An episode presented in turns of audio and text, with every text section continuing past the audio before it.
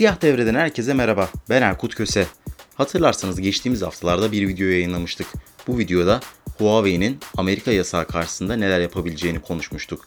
Şimdi ise daha düzenli bir formatta ilerlemeyi düşünüyoruz. Bu video ile birlikte artık bundan sonra her hafta gündemle ilgili çeşitli değerlendirmelerde bulunacağım. Teknoloji, oyun ve bilim alanlarında görüşlerimi dile getireceğim. Bir sohbet olarak düşünebilirsiniz. Herhangi bir hazır metin yok. Yalnızca ana konu başlıklarını belirliyoruz ve bunun üzerine anlık olarak konuşuyoruz, sohbet ediyoruz. Teknoloji, oyun, bilim, otomotiv, gündemde olan her türlü konuyla ilgili konuşmaya çalışacağız. Seride genel olarak benim sesimi duyacaksınız ancak zaman zaman bazı konuklarımız da olacak. Bu konuklarla da yine gündemi değerlendireceğiz ve onların gündemle ilgili düşüncelerini alacağız. Aslında bu haftanın gündemi değil. Ancak biz bu seriye yeni başladığımız için Apple etkinliği ile ilgili de birkaç cümle söylemek istiyorum. Bildiğiniz gibi Apple etkinliği her yıl en çok beklenen etkinliklerden biri. Bunun sebebi de Apple'ın duyuracağı cihazların ve yazılımların milyonlarca kişiyi etkiliyor olması tabii ki de. Etkinlikte benim en çok dikkatimi çeken şey iOS'ten ziyade iPadOS oldu.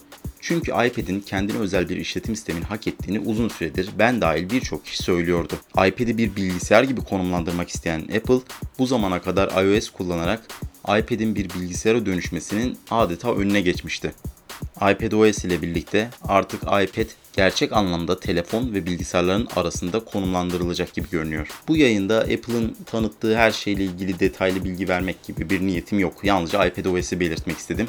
Ancak bir de Apple'ın şu andaki duyurularının Apple'ın şirket anlayışıyla ve Apple'ın geleceğiyle ilgili neler e, bize neler anlattığından da bahsetmek istiyorum. Apple son yıllarda yenilik yapmaktan daha korkar hale gelmiş gibi hissediyorum e, yenilik yapmaya çekiniyor firma çünkü e, çok büyük bir kitleye hitap ediyor ve dolayısıyla milyonlarca ürün üretiyor ve bunlarda herhangi bir e, yenilik e, birçok kullanıcı kaybıyla sonuçlanabilir, yeterince benimsenmeyebilir. Çok riskli bir durum.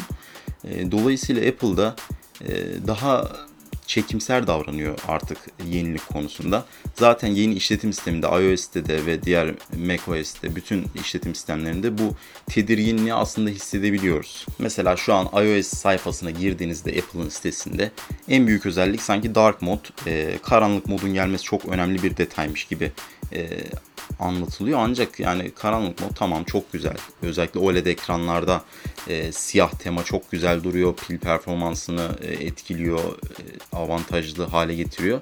Ancak e, devrimsel bir yenilik olarak bunun lanse edilmesi de tabii ki çok e, normal değil aslında. Bir diğer örnek yenilik yapmaktan çekindikleriyle ilgili bir diğer örnek iPhone tarafında karşımıza çıkıyor. Eskiden 2 yılda bir tasarımı değiştiren Apple şu anda tasarım değiştirme konusunda çok böyle yavaş yani böyle sanki çekimser ya değiştirsek mi değiştirmesek mi gibisinden e, bir yaklaşım içerisinde. E, mesela bu yıl e, piyasaya sürülecek olan iPhone'un tasarımı neredeyse birebir aynı. iPhone 10 ile birebir aynı ki arada yani 3 yıl aynı tasarım devam etmiş oluyor. Apple'dan biraz bahsedelim dedik ama yine konunun içinden çıkamadık. Dilerseniz diğer konuya geçelim. E, bu hafta bilim tarafında çok önemli bir gelişme yaşandı. Gerçekten e, bu haberi okurken de yazarken de çok heyecanlandım. Çünkü e, yıllardır e, kan bağışı konusunda çok sıkıntılar yaşanıyordu. Bildiğiniz gibi e, sıfır kan grupları bütün e, gruplara kan verebiliyor, kan bağışta bulunabiliyor. Ancak diğer A, B grubunda yalnızca kendi aralarında bağışta bulunabiliyorlar. Bu da çok acil durumlarda e, kan ihtiyacı olduğu zamanlarda büyük bir sorun yaratıyordu. E, bilim adamları, bilim insanları bununla ilgili çok önemli bir gelişme kat etmiş ve e, bütün kan gruplarını sıfıra dönüştürme e, yönünde bir çalışma yürütüyorlar. Bunun yapılabilmesi için gut bakterisinden faydalanıldığı söyleniyor. Kanın yapısında bazı değişiklikler yapılıyor ve kan sıfıra dönüştürülüyor. Bu sayede sıfır kan grubu bildiğiniz üzere çok nadir bulunabilen bir kan. Dolayısıyla bütün kanlar eğer sıfıra dönüştürülebiliyorsa bu şekilde kan e, alışverişi, kan bağışı, nakli çok daha kolay hale gelecek. Haftanın bir diğer önemli olayı MIT'nin geliştirdiği algoritma. Bildiğiniz üzere robotlar artık hayatımızın birçok alanında karşımıza çıkıyor. Özellikle üretim konusunda, fabrikalarda birçok robottan faydalanılıyor. Ancak halen tamamen insansız fabrikalar e, çok fazla yok. E, elbette ki bu tarzda çalışan yerler var ancak tamamen insan olmadığı alanlar e, çok nadir bulunuyor. Dolayısıyla robotlar ve insanların e, belirli bir e, birliktelik içerisinde çalışması gerekiyor. MIT'nin geliştirdiği algoritma da tam olarak bunu sağlıyor. Üretim bandındaki robotlar yalnızca kendilerine verilen işi yapıyor ve bu sırada insana mı çarptım, ne yaptım, doğru yerde miyim, bu yanımdaki insan nasıl hareket edecek, ben ona göre hareket edeyim gibi düşüncelere sahip değiller en azından şimdilik. Dolayısıyla iş kazaları da kaçınılmaz hale geliyor.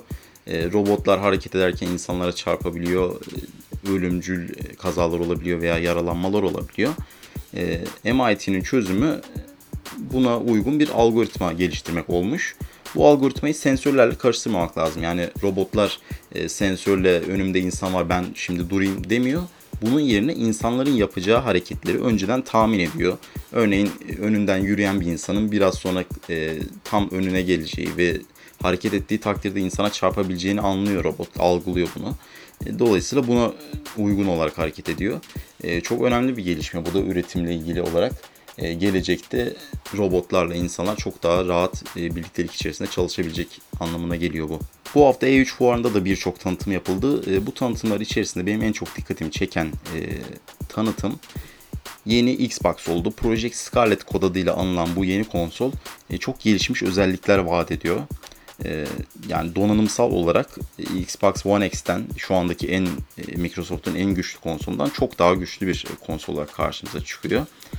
E, içerisinde AMD işlemci bulunuyor ve bu konsol için özel olarak geliştirilmiş bir işlemci bu. E, GDDR6 RAM ve yeni nesil bir SSD de yine bu e, konsol içerisinde kendine yer buluyor. Xbox One X'ten tam 4 kat daha güçlü bir konsol olduğu belirtiliyor ve yeni nesil konsolda ayrıca 120 FPS'e kadar e, çıkış yapılabileceği, oyun oynanabileceği söyleniyor. Ama bu 120 FPS'in stabil olup olmayacağı bilinmiyor. Büyük ihtimal olmayacaktır. Zaman zaman düşüşler yaşanacaktır diye düşünüyoruz. Ancak olursa da gerçekten çok önemli bir gelişme olur. Xbox'ın yeni e, versiyonu Project Scarlett 2020 yılında karşımıza çıkacak.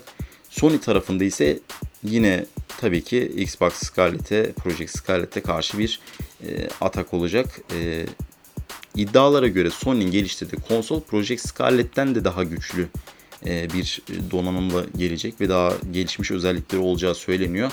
Ancak Sony E3 e fuarında yer almadığı için e, bu sene herhangi bir duyuru yapmadı. Ancak önümüzdeki zamanlarda yeni konsolla ilgili bir duyuru yapması bekleniyor. Haftanın oyun haberiyle devam edelim. Age of Empires 4 uzun zaman önce tanıtıldı. Aslında 2017 yılında tanıtıldı tam olarak. Uzun zamandır bu oyundan bir haber alamadık. Age of Empires gerçek bir efsane. Gerçekten gerçek zamanlı strateji oyunları arasında çok önemli bir yere sahip. Özellikle Age of Empires 2 halen daha oynanıyor ve yeni HD versiyonu e, oynanmaya devam ediyor ki onun da Definitive Edition isimde yeni bir versiyon tanıtıldı. O da çok dikkat çekecektir. Biz Age of Empires 4 konusuna geri dönelim. Age of Empires 4 serinin e, yeni oyunu olacak. Ancak uzun zamandır yani bu oyunla ilgili hiçbir detay verilmiyor, hiçbir görsel paylaşılmıyor hani artık iptal olduğu gibi bir düşünceye kapılmıştık. Ancak Microsoft tarafından yetkili isimden gelen açıklamaya göre Age of Empires 4 tüm hızıyla geliştirmeye devam ediyor. Ee, ancak oyunun halen daha bir çıkış tarihi ve oyunla ilgili detaylı bir bilgi bulunmuyor. Ee, önümüzdeki aylarda yani E3'ü zaten geçtik. E3'te herhangi bir tanıtım yapılmadı. Önümüzdeki aylarda oyunla ilgili yeni detayların karşımıza çıkması bekleniyor. Bakalım nasıl bir oyunla karşılaşacağız. Ee, umarım Age of Empires efsanesine yakışır bir oyun olur ve seri başarılı bir şekilde devam eder. Bu haftaki sohbetimizin sonuna geldik. Beğendiyseniz kanalımıza abone olmayı lütfen unutmayın. Önümüzdeki haftalarda yeni içeriklerle karşınızda olmaya devam edeceğiz. Hoşçakalın.